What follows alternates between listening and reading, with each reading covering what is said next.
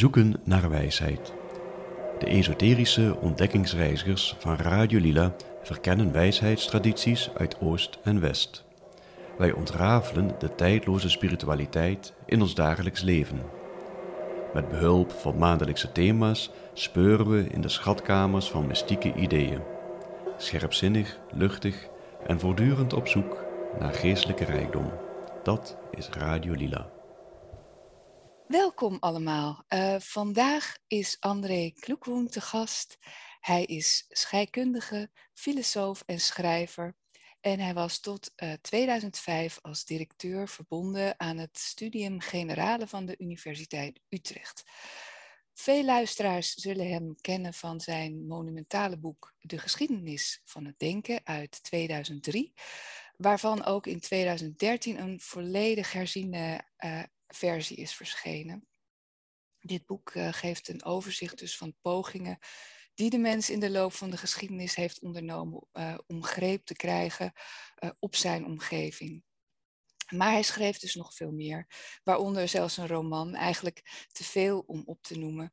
Dus ik beperk me hier tot zijn meest recente werk.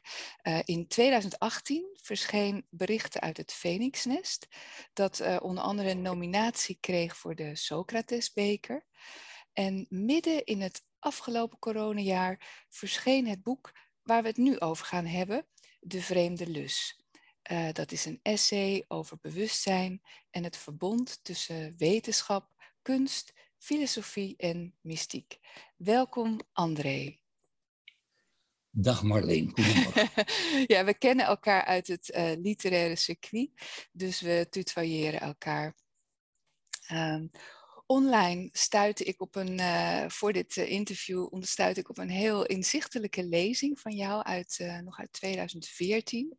En daarin stel je jezelf voor als een pluralistische, agnostische, um, pragmatische um, scepticist. klopt dat nog steeds en zou je dat kunnen uitleggen? ja, ik heb mezelf zo geïntroduceerd. Ik heb mezelf nog iets aan toe, het was een citaat uit een krantenartikel, zo werd hij genoemd. En ik heb het zelf nog even uitgebreid. Uh, moet ik even onthouden wat dat nog allemaal is. Dus uh, een pragmatisch, pragmaticus, dat heb ik onthouden. Het is een, iemand die een filosofie hanteert, die vindt dat je aan je filosofie ook iets moet hebben. Dat je er iets zinnigs mee, dat je kan doen, dat je problemen mee kan oplossen. Ja. En een, wat was het nou nog meer? Pluralistisch. Pluralistisch, ja, nou ja, dat moet in de loop van het gesprek duidelijk worden, omdat een van de problemen van de hele geschiedenis van de filosofie is geweest dat filosofen altijd naar eenduidige filosoof, filosofie hebben gezocht. Mm. Dus één manier om alle problemen van de hele wereld te bekijken. Dus één visie.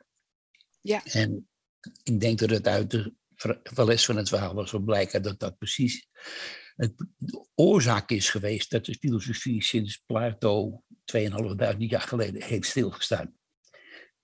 Ja, nee, klopt. Ik had ook nog agnostisch trouwens. Agnostisch, ja, ja, ja. ja, ja dat lijkt me ja, duidelijk. Ja, ja, dat betekent dat ik, uh, dat die, is al een heel oud begrip ook, uit Protagoras, oude Griek, die gezegd van, uh, dat je over God niets kan weten. Ja. Niet of die bestaat, ook niet of die niet bestaat. Kortom, uh, agnost betekent dat eh, ik het absoluut niet weet. En, en ook niet denk dat ik het ooit te weten zou komen. Ja, dus je gelooft eh, in het mysterie, zou je kunnen zeggen. Ja, ik, ja precies. Ik, ik, we krijgen dat, uh, komt nog wel terug in dit verhaal, denk ik. Denk het ook, ja. En een scepticus, dat was het allerlaatste. Ja, scepticus is eigenlijk hetzelfde, namelijk dat je niet gelooft in één waarheid. Ja, ja. en dat je dus overal altijd vraagtekens bij moet willen en kunnen stellen. En dat je niet mag uitgaan van, uh, van uh, wat er vaak gebeurt, uh, onze wetenschappelijke tijd. Van overal is een wetenschappelijk antwoord op. En godsdiensten hebben het ook nogal.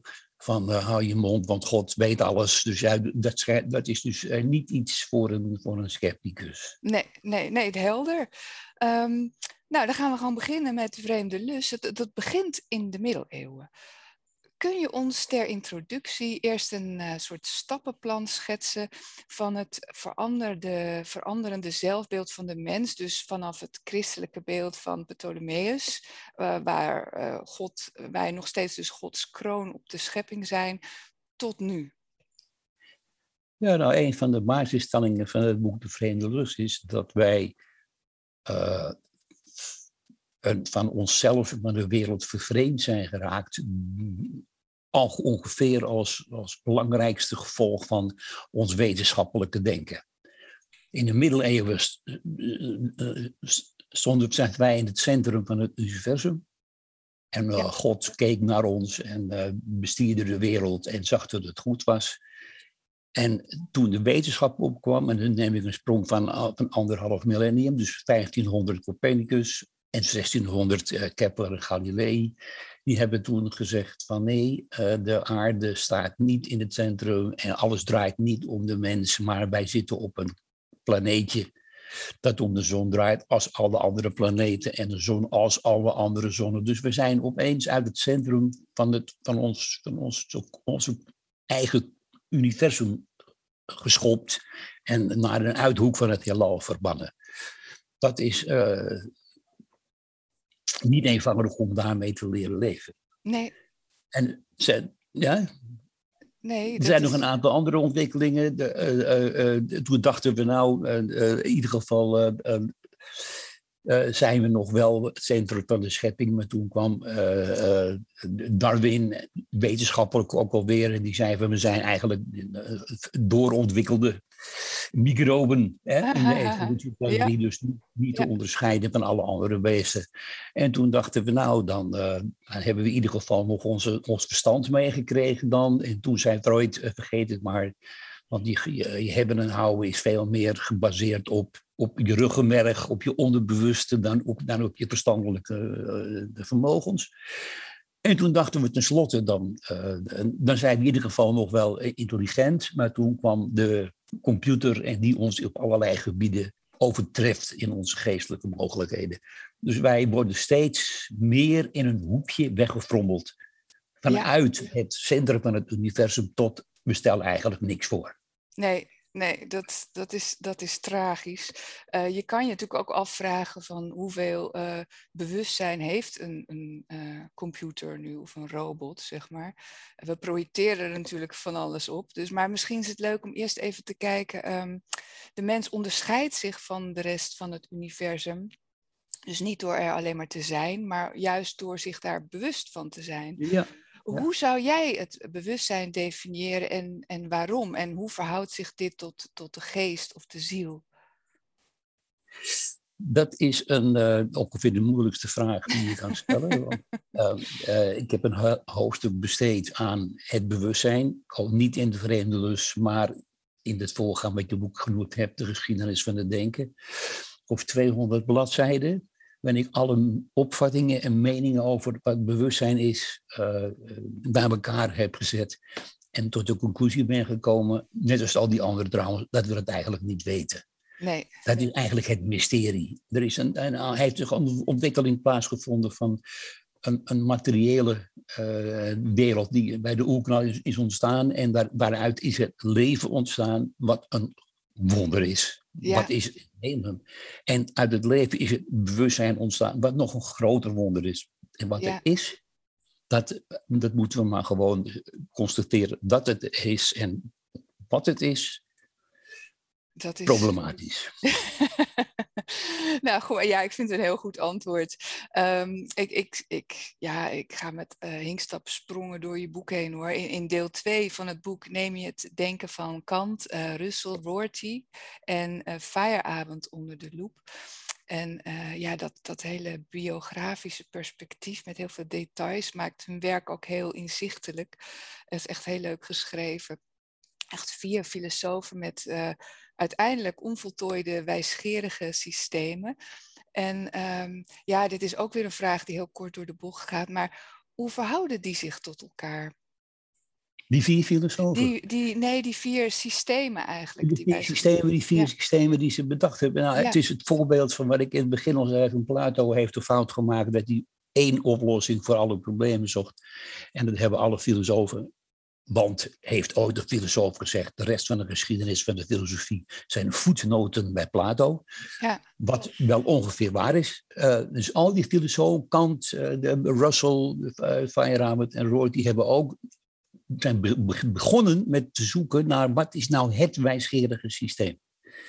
En daar zie je dat al die filosofie, die vier filosofische systemen, alle vier, dus mislukken op het feit dat ze dat niet hebben gevonden. Ja, ja. Het is, en daar, daar zijn ze dus in over. En ze hebben ze alle vier uh, uh, hebben ze dus een, een, mislukte poging in het werk gesteld om één wijsgerig systeem te, te ontwikkelen. En zijn alle vier tot de conclusie gekomen dat dat dus niet kan, maar hebben niet de oplossing gevonden. Wat is, dit, wat is het dan wel? Zou, zou je kunnen zeggen dat hun verzamelde onafgewerkt, dus in de onderlinge uh, vergelijking of onderlinge samenhang, wel zijn voltooiing vindt?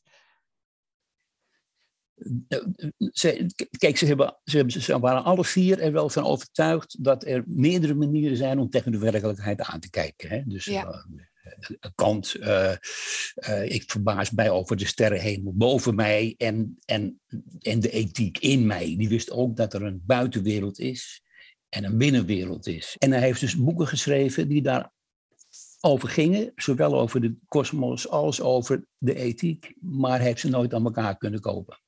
Aan elkaar kunnen, kunnen knopen. En dat, dat is bij Rorty en Russell precies hetzelfde gebeurt. Dus Russell heeft ook expliciet gezegd: ik heb twee systemen gevonden om over te denken, maar ik heb ze niet aan elkaar kunnen krijgen. En dat is het boek.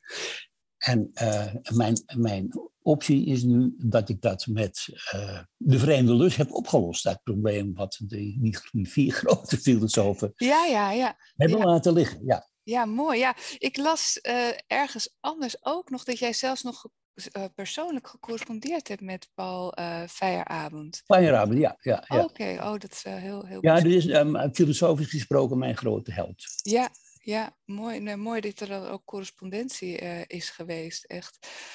Um, nou ja, overal in het boek duikt ook de, de onoverkomelijke tegenstelling op in het kennen. Hè? Uh, je hebt het ook al een paar keer genoemd. Uh, en jij gebruikt hierbij het citaat van de Franse filosoof Bergson. En dat ga ik even helemaal uh, quoteren hier. Ondanks hun schijnbare meningsverschillen zijn alle filosofen het erover eens dat er twee manieren bestaan om de wereld te kennen. De eerste houdt in dat men als buitenstaander om de zaak heen draait. En de tweede, dat men er als deelnemer in binnentreedt. En uh, ja, mijn vraag is dus, zijn deze twee visies werkelijk on, uh, onverenigbaar?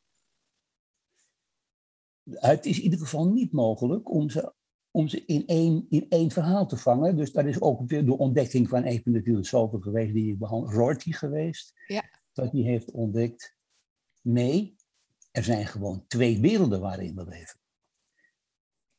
Een, een, uh, met, als gevolg van ons bewustzijn uh, is er een verdeling opgetreden in de manier waarop we naar de wereld kijken. We kunnen naar een buitenwereld kijken, waar we tegenover staan. En we kunnen ons, ons in de wereld bevinden en aan het leven en de wereld deel hebben. En dat zijn twee totaal verschillende manieren waar we, we moeten geloven dat die allebei even legitiem zijn. Maar niet in één visie zijn te verenigen. Wij, wij leven dus fundamenteel in twee verschillende werkelijkheden. Het is een beetje net als you, you uh, can't have your cookie and eat it. Kan ik het nog even herhalen? You can't have your cookie and eat it. Je kan uh, ja. uh, niet, niet tegelijkertijd een koekje hebben en ervan genieten. Uh, nee, precies. Dat je het hebt, zeg maar. want dan moet je het opeten en dan is het er niet ja. meer. Die uitdrukking die kende ik niet. Ja, ja het is Amerikaans. Ja, je kan niet tegelijk jezelf wezen en naar jezelf kijken. Nee, dus, ja. Ja, mooi. Nou, uh, mystiek is dus eigenlijk een, uh, die probeert de zaak binnen te treden.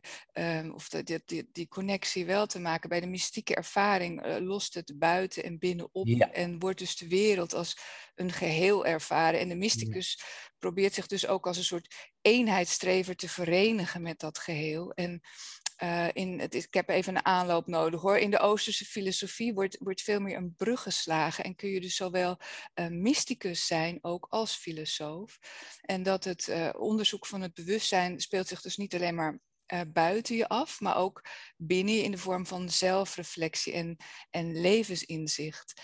En um, ja, mijn vraag is dus niet gelovige mensen die antwoorden zoeken op hun levensvragen, of uh, die reflectie willen voor hun dagelijkse problemen, of die troost zoeken. Die uh, komen in deze tijd veel eerder uit bij bijvoorbeeld de Yoga Sutras van Patanjali of bij de Lotus Sutra dan bij uh, de dialoog van Plato. Hoe komt dat? Dat is een van de gevolgen van ons wetenschappelijke wereldbeeld, dat we gekozen hebben voor één, voor één benadering. Namelijk het naar de wereld buiten je kijken, daar proberen structuren in te ontdekken en daar verklaringen voor te geven wat daar gebeurt. En dat meteen te verklaren tot enige, enige redelijke zienswijze waar het mijn mening is dat het voornamelijk gedreven is door het economische nut wat we eraan hebben. Dus de wetenschap heeft heel veel uh, economisch voordeel opgeleverd. Dus alle, of je naar je auto rijdt of aan je computer zit, allemaal wetenschappelijke producten waar veel geld aan verdiend wordt. En de, de, de mens is in principe een uh, gehandelaar, dus gauw je iets ergens aan kan verdienen, dan is het goed.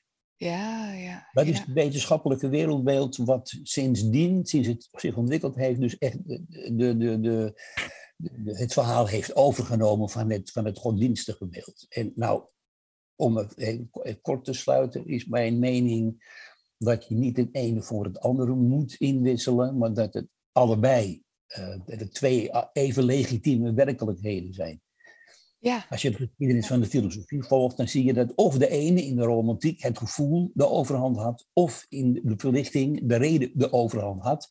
En ze elkaar ook uitscholden als dom, en, en, om, ja, ja, omdat ja. het hun mening de juiste was. Terwijl nu hebben we het idee van, nee, allebei de meningen zijn in hun eigen context heel goed. En je kan ze je kan niet de ene voor de andere inruilen. En het geldt zelf hetzelfde voor de westerse mechanistische en de Oosterse uh, intrinsieke uh, uh, filosofie. Dus je hoeft, je hoeft geen keuze te maken. Het heeft allemaal. Een van mijn basisstellingen is ook, kan ik nu even zeggen, van dat de mens in essentie zowel wetenschappelijk kunstenaar, filosoof en mysticus tegelijk is. Terwijl mensen vaak denken dat je maar één ding bent. Je bent of wetenschapper, of kunstenaar, of Ja. filosoof, of mysticus.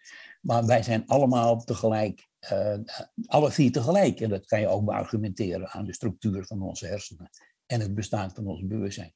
Hoewel de accenten wel verschillend kunnen liggen. Hè? Iedereen Ja. is niet een goede kunstenaar en een goede wetenschapper. Maar je hebt, iedereen heeft wel iets van alles in zich. Nee, maar dat, dat hoeft natuurlijk ook niet. Maar wat, wat mijn kritiek dus vooral is op westerse filosofie, dat ik het op dit moment heel uh, elitair vind. En uh, ik, ik denk dat het veel meer uh, zou leven alsof het, als het ook echt een gids kan worden in ons dagelijks leven, zeg maar. In plaats van dat het alleen maar van buiten wordt bestudeerd, zoals jij zegt ook. Ja, maar dan kom je dus bij, de pra bij het pragmatisme uit, Ja. waar we op begonnen. Ja. Dat filosofie moet, moet handig, nuttig zijn. En dat is ook een van de. Even de, de Rorty is een van de filosofen die ik heb gekozen, om, om- Ja. omdat hij juist een pragmatist is. Die zegt, nou ja, als je er niks aan hebt, moet je er ook niet Nee, mee bezig zijn. nee, nee. Ik zeg altijd, dan kan je, als je het niet begrijpt, kan je net zo goed eh, dinsdagochtend op de stoep zetten. Ja, ja, ja. ja. Eh, ja. ja. Gaan dus op dinsdag lang, ja. Ja, ja. Ehm, ergens eh, nog helemaal vrij in het begin van het boek schrijf je, ehm, mocht wat de kunst ons te vertellen heeft misschien eh, niet meer waard zijn dan wat de wetenschap te vertellen heeft, dan is het volgens sommigen in veel gevallen eh, wel meer waard. En dan haal je Nou, het gaat dus over het verschil tussen waar en waard. Hè. Dus wat de wetenschap zegt is heel waar en wat de kunst zegt is heel waard, veel waard. Dus Ja, dat ja. heel, ja. Ja, Ehm, nee, daar helder. Dan haal je Irish Murdoch aan, die dus ehm, niet de wetenschapper of de filosoof, maar eh, de romanschrijver juist de, de greatest truth teller vindt. Dus, maar eh, hoe kan kunst ons helpen om ons te oriënteren in de wereld? ja, daar kan je dus heel veel. Dat, het, het probleem, of het, het voordeel van de wetenschap is dat je daar helder over kan argumenteren. Het gaat over de buitenwereld en daar hebben we begrippen voor en je kan je daar duidelijk maken wat je bedoelt. Het probleem, met, als je dat zo wilt zien, voor ons, voor wetenschappers, is het probleem van de kunst is dat je niet, niet kan argumenteren dan ben je met wetenschap bezig. Precies. Ja. Kunst gaat juist dat je, wat de kunst doet, is verslag doen van hoe het is om te zijn. En niet, uh, en niet uh, geen inzicht proberen te geven in de structuur van de buitenwereld, maar in de beleving van de binnenwereld. Daar kan ik dus geen heldere argumenten over geven, want het kan met de wetenschap wel kan. Je kan, zoals Wittgenstein, een van mijn favoriete filosofen, dat, uh, dat, uh, dat, dat er van alles uh, uit, uitspreekbaars is, maar ook alles niet onuitspreekbaars. En dat toont zich, dat, ja. dat, dat laat zich gelden. En dat ja. is wat kunst doet. Es zeigt sich. Ja. Het is dat mystische, zegt hij er ook nog achter. Dus, uh, het, dus het, niet, het kunst kan je dus niet vragen, wat is nu de waarheid van de kunst? Kijk dan en dan moet je ervaren ondergaan wat de waarheid is, die, of het, de waarde is die daarin zit. Ja. En alle pogingen om dat helder te argumenteren zijn bijvoorbeeld gedoemd te mislukken, omdat je niet kan argumenteren op dat, op dat gebied. Nee, dat is ook inderdaad als je als schrijver ook gevraagd wordt om het uit te leggen waar je boek ja. over gaat. Dat ja. is dat heel, heel frustrerend, omdat je dan, ja, je kan het boek niet uitleggen. Het boek is, is de uitleg. Hè? Ja, ik heb daar vele voorbeelden van gegeven natuurlijk, ja. ook in het boek. Van, uh, als je Louis Armstrong vraagt wat de betekenis van jazz is, dan zegt hij van, als je er naar vraagt, heb je er al niks van begrepen. Ja. Ja. En, en wat ik ook dat leuk vind dan, uh, oh, oh, ja, de, de, de stripfiguur van Marten Toner, die schilder die in zijn terpentijn optreedt, die maakt abstracte kunst. Ja, en wordt ja. altijd aan hem gevraagd van, wat stelt het nou voor? En dan zegt hij altijd, uh, uh, begrijp je makker? dat, is, dat is dan het, het, het, antwoord. Omdat je dat niet kan uitleggen. Nee, maar je moet nee. het beleven. En dat is precies de essentie. Ja, ja dat, dat is het. Niet, niet in woorden expliceerbare belevenis. Nou, ik, we hebben een fantastische brug uh, gemaakt naar uh, het, het enige plaatje in het boek. Ja. Uh, dat is namelijk uh, uh, de prentententoonstelling van Escher. Hè? het is een, een lito waar een jonge man naar een schilderij in een galerie kijkt. En tegelijkertijd zie je in de rij huis op het schilderij de galerie waar de jongen naar het schilderij kijkt. En in het midden dus, waar alles samen zou kunnen komen, is een um, witte vlek. En uh, nou ja, aan, aan, jou even de vraag waarom dit kunstwerk en waarom die witte vlek?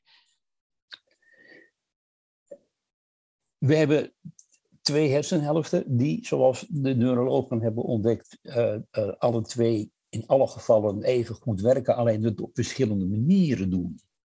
Dus de ene hersenhelft werkt analytisch volgens de wetenschappelijke methode en de andere hersenhelft, de rechter, werkt belevend, holistisch meer. En dat doen ze allebei tegelijk. Dus we krijgen altijd twee beelden, twee visies op de wereld tegelijk aangeboden. De, de expliciete wetenschappelijke, de expliciteerbare wetenschappelijke visie of de te beleven artistieke visie. Er zijn er dus twee. En als je weet, en dan komt, ik heb dus de scepticus in natuurlijk zo, als je weet dat je twee manieren hebt om naar de wereld te kijken, ieder moment, dan moet er ook een niveau zijn waarvanuit je keuze kan maken. Dus je zegt, oh, ik moet nu analytisch naar de wereld kijken en nu ben ik de wereld aan het beleven. Uh, als je met de, met de, liefde bezig bent, dan ga je je niet afvragen, wat ben je nu precies aan het doen? En welke chemische stoffen spelen hier een rol bij? En omgekeerd ook zo. Hè? Dus, uh, ja. Als je dat, dan hebben we dus al drie manieren om tegen de wereld aan te kijken. Dus een wetenschappelijke, een artistieke en een filosofisch metaniveau. En als je die drie zaken bekijkt, wat de inhoud daarvan is, dan hou je natuurlijk altijd een veel groter gebied over waar we niks van weten.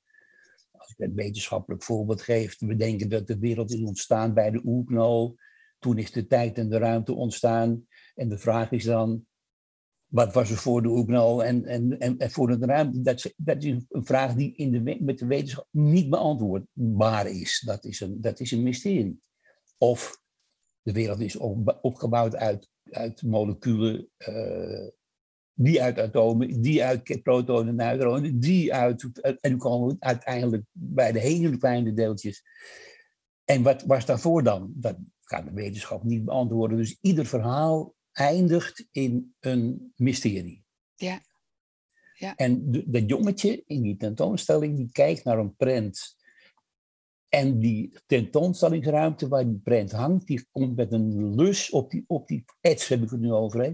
Ja, ja. Bij de, de jongetje staat zelf in de galerie waar de print hangt, waarnaar die, naar die kijkt. Dus in, in die print van Escher is, eh, zijn er alle, die vier manieren om naar de wereld te kijken opgenomen. Het jongetje kijkt naar een wereld op die print. Het jongetje hoort in die wereld, want die galerie, kijkt, daar staat hij zelf in. Het jongetje zelf is dan de filosoof, die weet dat hij naar een wereld kijkt waar hij zelf bij hoort. En dan blijft er natuurlijk, als je die tekening maakt, en je moet die twee werelden aan elkaar koppelen, dan hou je vanzelf een witte plek over. Dat, dat, dat kan je verder niet meer invullen. Dat heeft Escher ontdekt. Die heeft die prent gemaakt en, eh, en die was daar zeer van onder de indruk zelf. Ja. En eh, eh, heeft, heeft zelfs gedacht van, ik heb de, ik heb de vierdimensionale tijdruimte van Einstein ge- getekend. Geweldig. Eh, hij wist niet hoe hij die witte vlek moest invullen. Toen zijn er een paar wiskundigen, Leidse wiskundigen geweest, die hebben ge- gezien wat hij met zijn prent gedaan heeft. Hij heeft namelijk geen rechte coördinaten, zoals alle prenten, die hebben een x en een y als een plat vlak. En eh, Escher heeft dus intuïtief andere vormen van coördinaten, naar hyperbolische coördinaten gebruikt. Ja. En dan krijg je dus, die, en wiskundigen zijn nu in staat om die prent aan recht te breien. Dus daar rechte coördinaten van te maken. En dan blijft er die witte, die witte plek over. En mijn of, eh, eh, idee is dus dat je die wetenschap, kunstenaar, filosoof en mysticus in die prent zit. Wat, wat Escher tot zijn eigen verbazing voor elkaar heeft gekregen. Dus eigenlijk zijn we altijd, iedereen, de hele dag, jongetjes die in een galerie Ja. naar de wereld staan te kijken. Terwijl Ja. ze ook weten dat, dat je er zelf in die wereld zit. En je steeds met die twee kenwijzen zit. En ook filosoof moet zijn. En met een hele hoop vragen blijft zitten. Dus die prent Ja. Geeft precies. En dat heet in de wiskunde ook de strange loop. Zoals die, eh, zoals die eh, eh, is ontwikkeld. En dat is ook de titel van het boek. Hè, de vreemde lust. De vreemde lus, ja. Ja. Eh, want eh, het is duizelingwekkend. En ik heb er, er is ook zelfs een filmpje van, heb ik begrepen, waarin ze dat, dat, dat, Ja. Ja, ja. die vlek hebben opgevuld, zeg maar, hoe het verder zou lopen. En het is Ja, die verdwijnt dan in het oneindige in een soort van spiraalbeweging. En in steeds kleinere structuren verdwijnt hij in het oneindige. Ja, En dan zeg ik ook van, het zou mooi zijn als, eh, als want die, die witte vlek van Escher, dat noem ik dus dan eh, de plek waar mensen de dingen in plaatsen waar ze verder niet mee komen. En dat is dan, je kan de, er wordt door sommige eh, schrijvers ook het godvormige gat genoemd. Maar Frans Kellendonk van heeft geschreven, eh, een, gat waar God, als hij bestond, mooi in zou passen. oh, Dus, ja. dus je, kan daar, je kan daar dus God in stoppen, maar je, kan, je hoeft er niks in te stoppen. Je kan ook met een zwart gat blijven liggen. En van alles eh, nog meer bedenken. Wat je, maar, maar daar zit dus het mysterie, de, de onbeantwoorde, onbeantwoorde, onbeantwoordbare vragen. Ja, en dus we zijn nu eigenlijk aangelopen bij die strange loop, de, de vreemde lus, het, het godvormige gat. Ja. Eh, dus dat die spiraalbeweging die eindeloos in zichzelf terugkeert. En ja, dan moet ik eigenlijk eh, misschien te vergeefs vragen van waar komt die tweespalt in ons kennen van de wereld samen?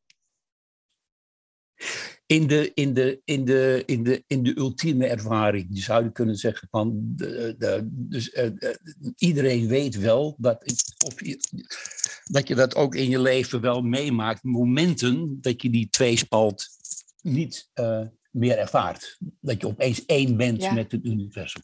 Ja, ja. Alleen is dat doorgaans van uiterst korte duur. Dus het is heel moeilijk om daar langer te blijven dan enige tijd. Ja, en op het moment dat je het dus weet, dan analyseer je al en ben je er al niet meer feitelijk natuurlijk. ik vraag me nog steeds af of iedereen die ervaring kent, maar ik ken geen mensen eigenlijk die ik serieus neem, die die ervaring niet hebben gehad. Altijd, je loopt op het strand en de wind en de golven nemen je opeens mee in een, in een, in een ervaring die, die alles overstijgt. En alles klopt opeens ook. Ja. Uh, ja. Ik heb dat zelf mogen meemaken, uh, zowel met als zonder het gebruik van drugs. Ja. Dan kan je dat mee stimuleren. En ik kan echt iedereen beloven, ik, ben, ik weet niet meer hoe het was, maar ik moest met één ding moest ik onthouden van mezelf. Het bestaat. Ja, ja. En, en dus uh, ja. uh, uh, en daar ben ik dus mee teruggekomen. En ik heb dus echt, je zou het kunnen zeggen, in die tijd in het paradijs rondgelopen. Ik, heb daar, ik ben er echt geweest. Ik zou niet meer weten hoe het er was, maar ik weet alleen dat het er was. nou, ik las in je boek dat zelfs Russell een um, mystieke ervaring gehad heeft. Ja, Russell heeft zelfs verschillende gehad, ja, ja. Ja. ja, en dat zou je toch echt helemaal niet verwachten van zo'n hele analytische persoon zoals ik hem uh, zie. Nee, maar Russell was niet. Ja, dat klopt. Maar hij had, hij had ook dat, eh, dat, die hang naar, naar het mysterie. Had hij, de, iedereen heeft dat natuurlijk. Hè. Alleen sommige mensen laten het ondersteunen. Russell heeft zijn hele leven geleden aan het feit dat hij dat contact niet had. Ja. Met die andere manier van, van, van, van filosoferen. Ja. Nou, je bent zelf uh, dokter in de fysische chemie, maar je bent ook filosoof, uh, romanschrijver en ik noem even muziek- en literatuurliefhebber. Wat is volgens jou nu de beste discipline om deze tegenstelling op te heffen? Dus uh, kunst, wetenschap of filosofie? Nou, dus geen, geen een van die disciplines is daartoe geschikt. Ik ben, je hebt één ding niet genoemd waar ik ook ben geweest. En dat is, ik ben ook filosofiedocent geweest bij de, bij de universitaire discipline Liberal Arts and Sciences.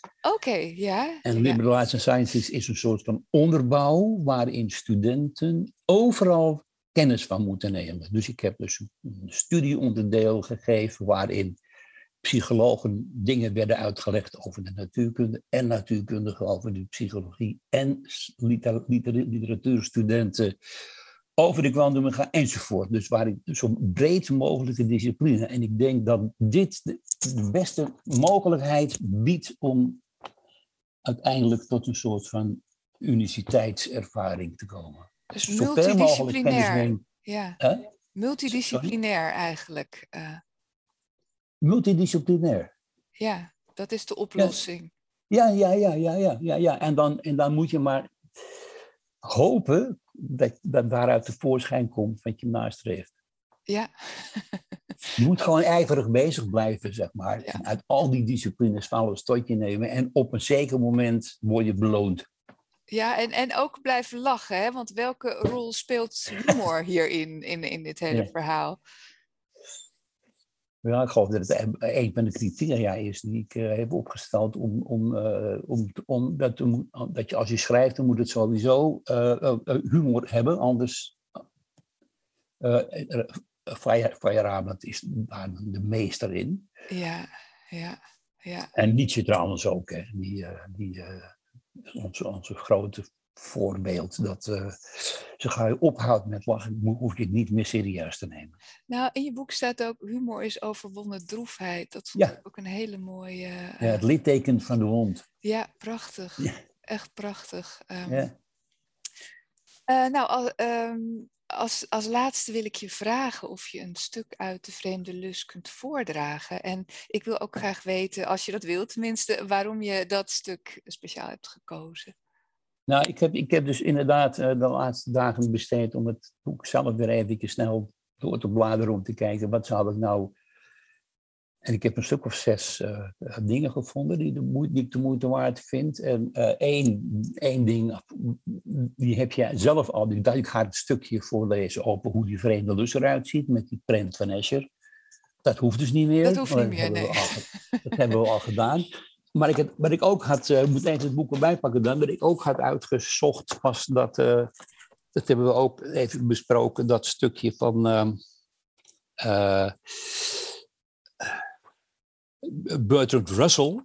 Oh ja, ja.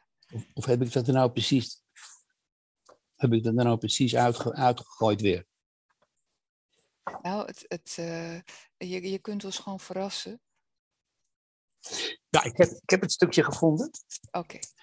Dat de mystieke ervaring van Bertrand Russell. Oh, fantastisch. Ja, leuk. Wanneer dat was. Het is niet zo'n lang stukje, maar hij was aanwezig bij, uh, bij zijn filosofische uh, vriend met, uh, en Whitehead, dus een van zijn vrienden. En de, de vrouw van Whitehead is ziek en lijdt heel veel pijn. Ja. En bij één zo'n aanval, dat de vrouw van Russell zo'n pijnaanval krijgt, is hij aanwezig. En dan krijgt hij de volgende ervaring. Ik citeer uit zijn autobiografie. Zij scheen van alles en iedereen te zijn afgesloten. Door muren van verschrikkelijke pijn. En het besef van totale verlatenheid van iedere menselijke ziel overweldigde me. Plotseling leek de grond onder me weg te zakken en ik kwam in een geheel andere wereld terecht. Binnen vijf minuten ging ik door zulke bespiegelingen als de volgende. De eenzaamheid van de menselijke ziel is niet vol te houden. Niets kan erin binnendringen behalve de hoogste intensiteit van het soort liefde dat religieuze meesters gepredikt hebben. Alles wat niet uit deze beweegredenen voortkomt, is schadelijk, of op zijn minst onbruikbaar. Waar het volgt dat oorlog verkeerd is, dat schoolopleidingen vervoerlijk zijn, dat het gebruik van geweld afgewezen moet worden en dat in menselijke relaties moet worden doorgedrongen tot de kern van eenzaamheid die in ieder mens aanwezig is en daarmee in gesprek gaan. Na deze vijf minuten was ik een compleet ander mens geworden. Na al die jaren waarin ik alleen belangstelling had voor eenzaamheid en analyse, was ik nu vervuld van half mystieke gevoelens over schoonheid, met grote interesse in kinderen en met verlangen bijna zo diep als Boeddha om een filosofie te vinden die het leven draaglijk zou maken. Een vreemde opwinding maakte zich van mijn meester, die behalve intense pijn ook iets van triomf inhield over het feit dat die pijn hanteerbaar was en dat ik die kon gebruiken als toegangsweg naar wijsheid. Einde citaat. Prachtig. Heel erg bedankt, uh, André, voor uh, dit mooie gesprek. En um, De Vreemde Lus is overal te koop, dus als e-book of als mooie hardcover. André heeft een exemplaar ter beschikking gesteld uh, om te verloten onder onze luisteraars. Dus als je ook kans wil maken, laat dan een bericht achter via onze website www.radiolila.nl of via radiolilapodcast.gmail.com. Eind deze maand krijgt de winnaar hierover bericht. Uh, nou, nogmaals bedankt André, iedereen bedankt voor het luisteren en tot de volgende.